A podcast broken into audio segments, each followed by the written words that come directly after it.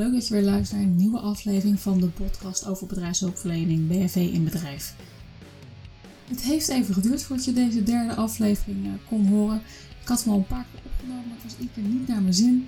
Uh, dus ik denk, ik ga het gewoon nog een keer proberen, uh, zodat het in ieder geval wel naar mijn zin is. Want ik wil geen dingen online zetten waar ik niet helemaal achter sta. Dus ik ben in ieder geval blij dat je daar een beetje geduld voor hebt.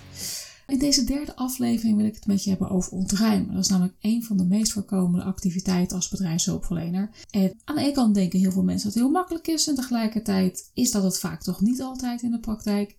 Maar wat moet je erover weten? Dat ga ik hiervan uh, vertellen in deze podcast. Voordat we het hierover verder gaan hebben, wil ik het eerst even duidelijk maken wat nou eigenlijk ontruimen is en wat het misschien vooral niet is.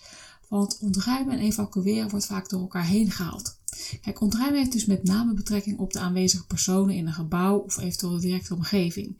Maar wanneer je gaat evacueren, dan ga je van een uh, grootschalig ontruimen van een gebied doen, zoals bij een overstroming of een natuurbrand. Bij een ontruiming van een gebouw is er sprake van acute dreiging en bij evacuatie dus van een gebied zie je die dreiging al enige tijd aankomen. Dus dat is een, dat is verschil om uh, ja, in ieder geval met elkaar helder te hebben. Oké, er zijn natuurlijk verschillende redenen om een gebouw te gaan ontruimen. Dat kan een brand zijn, dat kan een ongeval zijn dat uh, groter wordt. Uh, toch ook weer die bekende bommelding waar iedereen toch vaak over heeft. En volgens mij vrijwel niemand daar echt ervaring mee heeft, maar dat terzijde. Misschien herinner je het nog, maar een aantal jaar geleden was er een campagne Volg de Pijlen.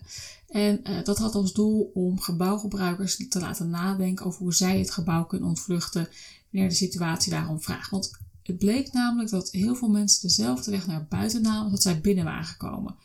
En dat kwam bijvoorbeeld omdat ze andere wegen, zoals via het trappenhuis, bijvoorbeeld niet genoeg kenden om in een situatie van een calamiteit daar naartoe te gaan in plaats van af te wijken van een vertrouwde route.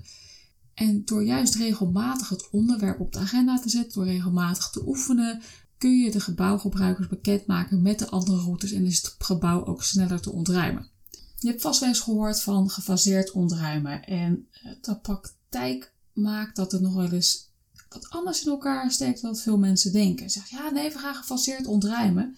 Maar in heel veel gevallen houdt het gewoon in dat ze dan een uh, complete ontruiming doen.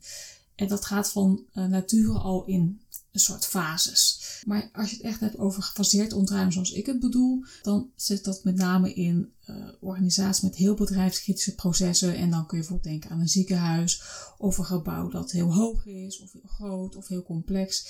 En dan kan het juist ook slimmer zijn om te gaan ontruimen in een fase. En dan zijn die fases ook veel duidelijker kenbaar. De eerste stap in het ontruimen is eigenlijk een horizontale ontruiming. Dit houdt in dat je de mensen op het bedreigde bouwdeel verplaatst naar een naastgelegen bouwdeel, eh, maar kan ook een trappenhuis zijn of de eerste eh, brandweer in de scheiding. Of een naastgelegen rook- of brandcompartiment. Daarbij ga je, als het natuurlijk mogelijk is, de ruimte waar de calamiteit, en dat kan bijvoorbeeld een brand zijn, is begonnen, die ga je als eerst ontruimen. Vervolgens sluit je de ruimte en ga je de, de ruimte die daar tegenover ligt ontruimen. Daarna ga je de ruimte die links en rechts van de brand liggen. Ik heb even nu het brand als voorbeeld, maar je snapt mijn, uh, mijn voorbeeld denk ik wel. Die ga je ontruimen en volgens de overige ruimte. Ja, ik kan me voorstellen als ik het je nu zo vertel, dat je denkt, uh, dit voelt een beetje onhandig en onduidelijk. Kijk anders even op mijn website over gefaseerd ontruimen. Daar heb ik een aantal afbeeldingen bij, zodat het ook wat duidelijker is. Maar dan heb je voor nu het, uh, het, het plaatje erbij dan. Althans, als je naar de website toe gaat, dan heb je het plaatje. En nu heb je gewoon het verhaal. Oké, als je dan die uh, etage dan leeg hebt getrokken van mensen, um, dan ga je door naar de tweede fase, de verticale ontruiming. En dat ga je doen als de calamiteit zich uitdreigt te breiden. Uh, dan kun je bijvoorbeeld denken dat het ook effect heeft op de hoger gelegen etages. Je gaat pas over op die verticale ontruiming als de horizontale ontruiming afgerond is. Bij een brand, dan begin je eerst bij de bovengelegen verdieping en dan pas de etage eronder. Was een horizontale en een verticale ontruiming nog niet voldoende, dan ga je door naar fase 3 waarbij je het hele gebouw gaat ontruimen, dus de algehele ontruiming. Als we het even hebben over de verzamelplaats. Kijk, bij een horizontale ontruiming breng je mensen in veiligheid door hen dus eerst naar de verzamelplaats te brengen, direct achter de eerste brandweerende deuren. En bij een verticale ontruiming, dan verwacht ik dat je een centrale plaats hebt gekozen op de verbindingsgangen. En als je dus bij zo'n grote organisatie zit of complex gebouw, dan ga je pas bij een uh, algehele ontruiming, dus fase 3, pas mensen naar buiten brengen. Hoe ga je nou ontruimen bij een bommelding? Want daar verschillende meningen nog wel eens over. Althans, mijn mening is daar uh, anders over. Vanuit de theorie die ik heb gelezen erover, gaat het proces bij een ontruiming, bij een bommelding, vaak net wat anders dan bij een brandmelding. Uh, bij een brandmelding dan vraag je eigenlijk, nogmaals, dat is de theorie, mensen om hun spullen te laten liggen. Terwijl bij een bommelding vraag je de aanwezigen juist wel om hun bezittingen mee te nemen. En ook een groot verschil tussen een bommelding en een brand is dat je de aanwezigen dan vraagt om de raam en deuren te openen in plaats van te sluiten. En de reden daarachter is, zou dan zijn dat dat de schade van een drukgolf zou verminderen. Ook begin je bij een algehele ontruiming met een bommelding als aanleiding vanaf de hoogste etage en werk je zo naar beneden. Terugkomend op die spullen meenemen. Ja, ik ben daar dus niet zo'n fan van. Ik heb zoiets van: waarom zeg je niet tegen iedereen: neem gewoon altijd je persoonlijke spullen mee?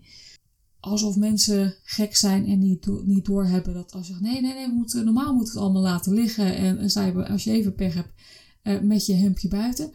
Maar er is nu even een bijzondere uh, omstandigheid en dan moet je in één keer wel alles meenemen. Nou, nou, nou, wat zou dat nou kunnen zijn? En ik denk dat ook daarmee een stuk paniek met zich meebrengt.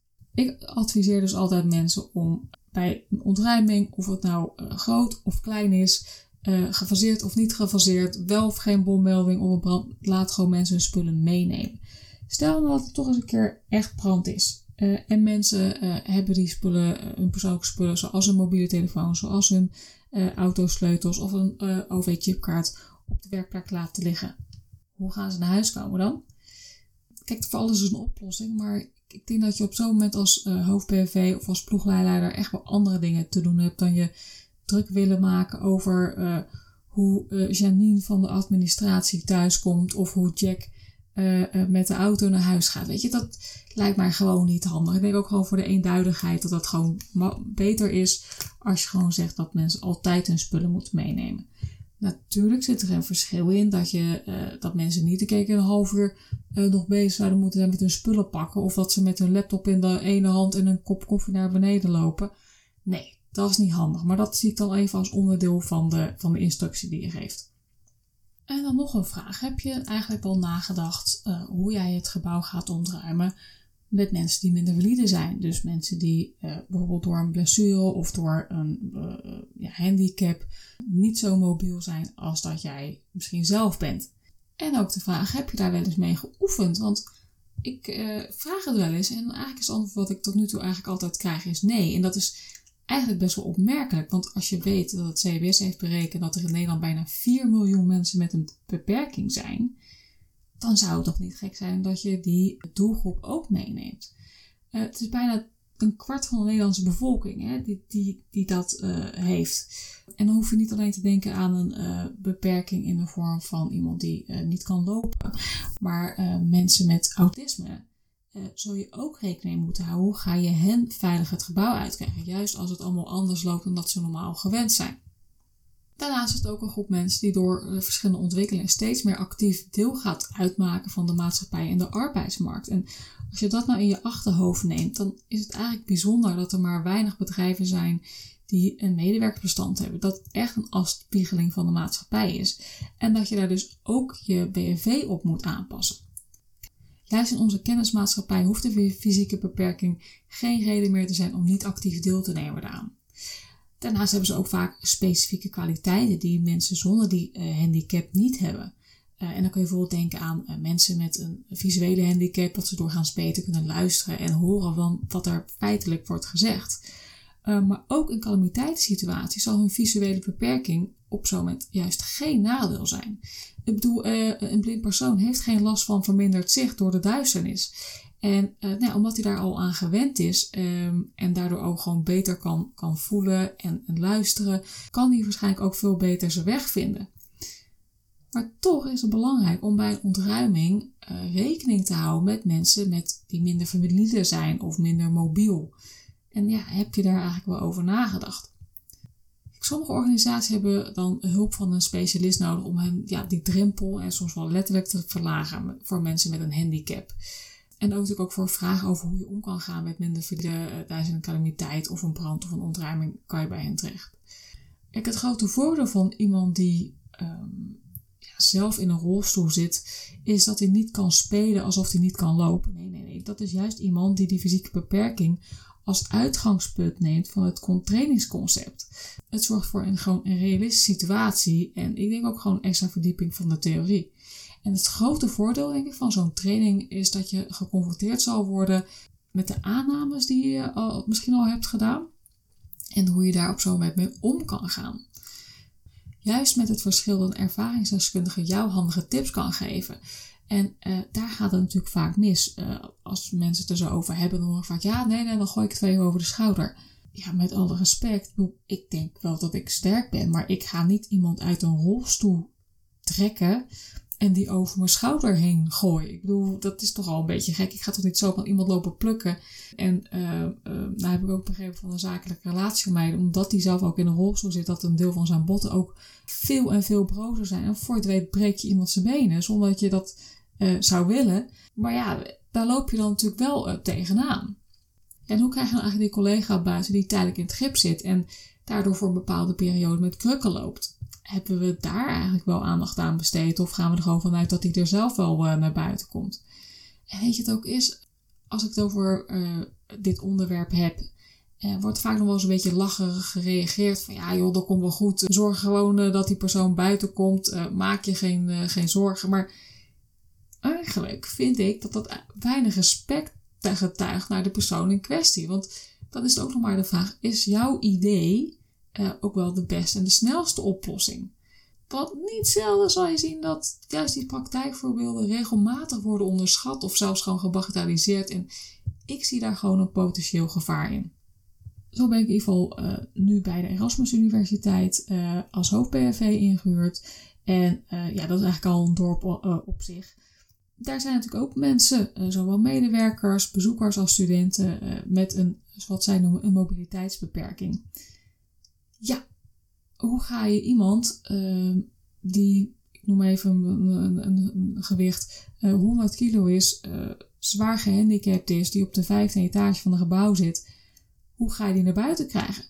Kunnen we dat überhaupt wel? We kunnen wel allemaal toezeggingen doen, maar we moeten het allemaal wel waar gaan maken, want je schept daar wel bepaalde verwachtingen mee. Ik weet dat een collega naar me toe kwam, die zei ja, hoe, hoe ga jij dat doen? Ik zei, hoe ga ik dat doen? Ik heb geen idee. Ik zei, ik kan het beter vragen aan degene die in de rolstoel zit. Die weet uh, waar die hulp bij nodig heeft. Wat kan die wel, wat kan die niet. Die kan aangeven wat die nodig heeft. Dus uh, dat zou ik je ook zeker adviseren om te doen. Daarnaast hebben we natuurlijk ook nog een ander, uh, andere uitdaging als het gaat over ontruimen. Namelijk het ontruimen van een flexkantoor.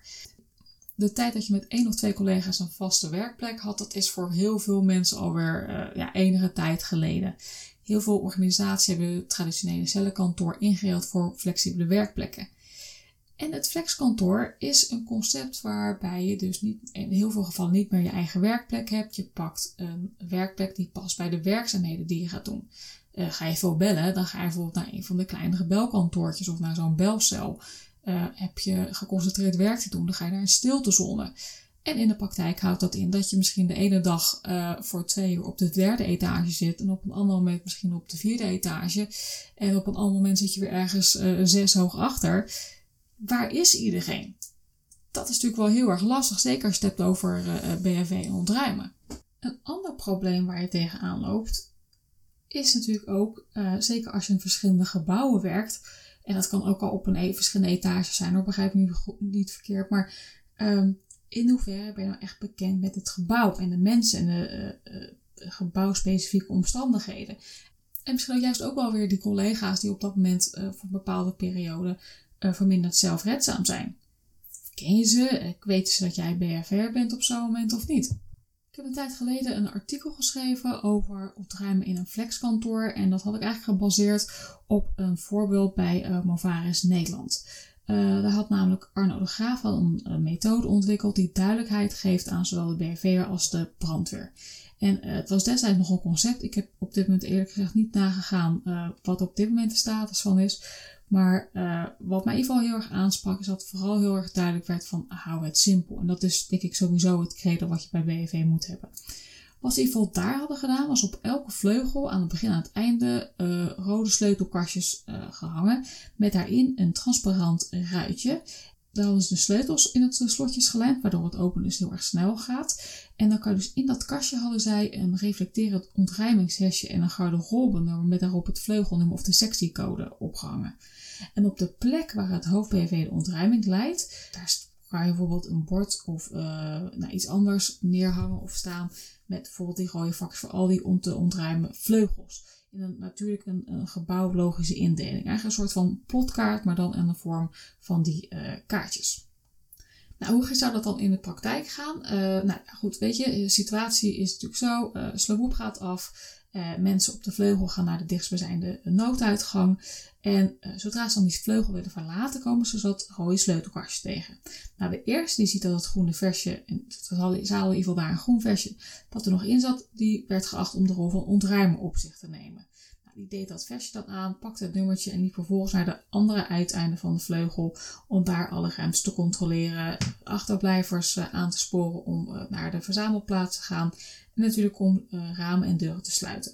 Nou, aangekomen bij de andere vleugel pakte hij het vleugel, uit het sleutelkastje daar het nog aanwezige versje. En dat deed hij natuurlijk om te voorkomen dat er nog iemand anders ook zou gaan ontruimen. Dan zou hij in ieder geval via de, uh, de, kortst mogelijke vluchtroute naar de afgesproken post gaan.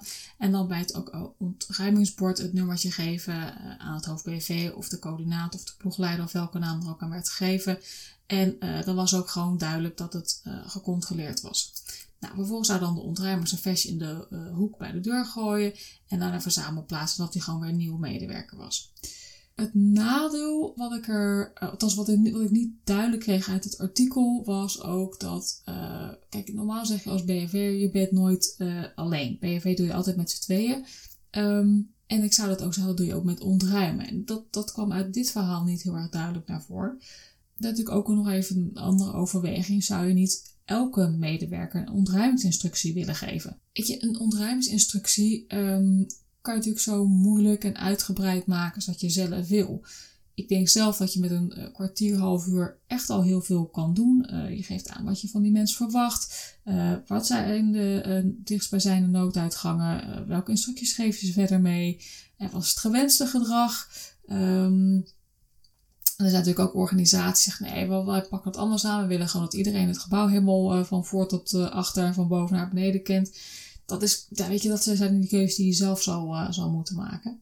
Maar ik kan me voorstellen, zeker als je in een, een, organisatie werkt waar vaste werkplekken eigenlijk tot het verleden behoren, dan moet je wel het voor elkaar hebben dat bij een ontruiming het ook snel kan gebeuren. Zeker bij een organisatie waar je eh, flexibel werkt, is het gewoon belangrijk dat mensen het pand goed genoeg kennen om zichzelf vooral uit naar buiten te brengen. Ik hoor ook nog wel eens dat mensen zeggen: Ja, nee, ik ga pas naar buiten als de BHV tegen me zegt, want dan weet ik tenminste dat het echt is. Ja, nee, zo, dat is dus niet de bedoeling. Zodra die slaboep gaat, moet je er gewoon van uitgaan dat het een uh, daadwerkelijke melding is en dat jij jezelf in veiligheid gaat brengen. En uh, dan hoop ik ook van harte dat je collega's daarin meeneemt. Die zeggen, jongens, die sloophoep gaat niet voor niks. Hoppakee, naar buiten.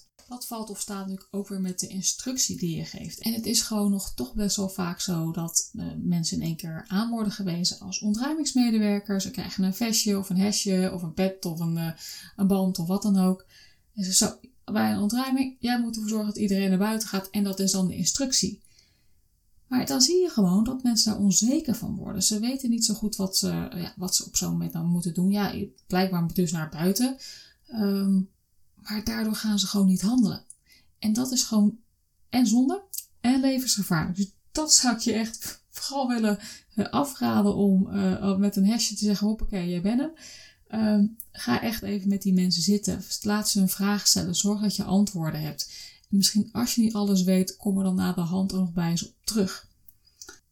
Oké, ter afsluiting van deze derde aflevering van de podcast BV in Bedrijf ben ik wel benieuwd, hoe heb jij dat nou geregeld? Hoe zorg jij ervoor dat ontruimers weten wat ze moeten doen? Heb je daar een e-learning voor? Uh, neem je ze apart tijdens een, uh, een koffiebreak waarbij je het, uh, het onderwerp op de ter tafel brengt? Of laat je ze dat op een andere manier doen? Ik ben heel benieuwd. Uh, ik hoop dat je het met me wilt delen. Uh, ik ben te volgen via verschillende sociale media kanalen. Denk bijvoorbeeld op Instagram, uh, LinkedIn, Facebook, mail natuurlijk, WhatsApp, Signal. Nou, volgens mij als je zoekt op Marika Baars plus contact of Marika Baars plus mail, dan ga je me geheid vinden. En anders ga ik je vast mijn mailadres bij deze geven. info.marikabaars.nl En dan even opletten op mijn naam, dat gaat nog wel eens fout in de meest uh, exotische varianten. Uh, Marika spel je als M-A-R-I-E-K-A en dan baars B-A-R-S. Maar uh, de vis zeg ik altijd maar. en het is niet Marianne, Malika, Marie, Mariska of weet ik voor wat voor mooie variatie ik daarop heb gezien. Dan wil ik voor nu deze derde aflevering afsluiten. Ik hoop dat je het leuk vond. Ik hoop dat je er wat aan hebt gehad. Ik hoop dat je uh, meteen strakjes of morgen of anders misschien volgende week denkt, oh wacht, dat gaan we eens eventjes anders doen. Dat heb ik gehoord, dat sprak me aan. Of dat je zegt, uh, dat vond ik echt helemaal niks, ik blijf het gewoon lekker doen. Ook goed. Ik bedoel, uh, ik vind het gewoon belangrijk dat je kritisch erover gaat nadenken. En uh, nogmaals, ik wil je uitnodigen om je reacties achter te laten, zodat ik dat wellicht in een volgende aflevering of via een van mijn sociale media kanalen uh, met anderen kan delen. Want ook ik heb niet de wijsheid in pacht en um, als jij een beter idee hebt of je hebt bepaalde ervaring opgedaan, laat maar komen. Ik ben heel erg benieuwd. Voor nu wil ik je heel erg bedanken voor je tijd en je aandacht. En ik hoor je graag een volgende keer. Tot ziens!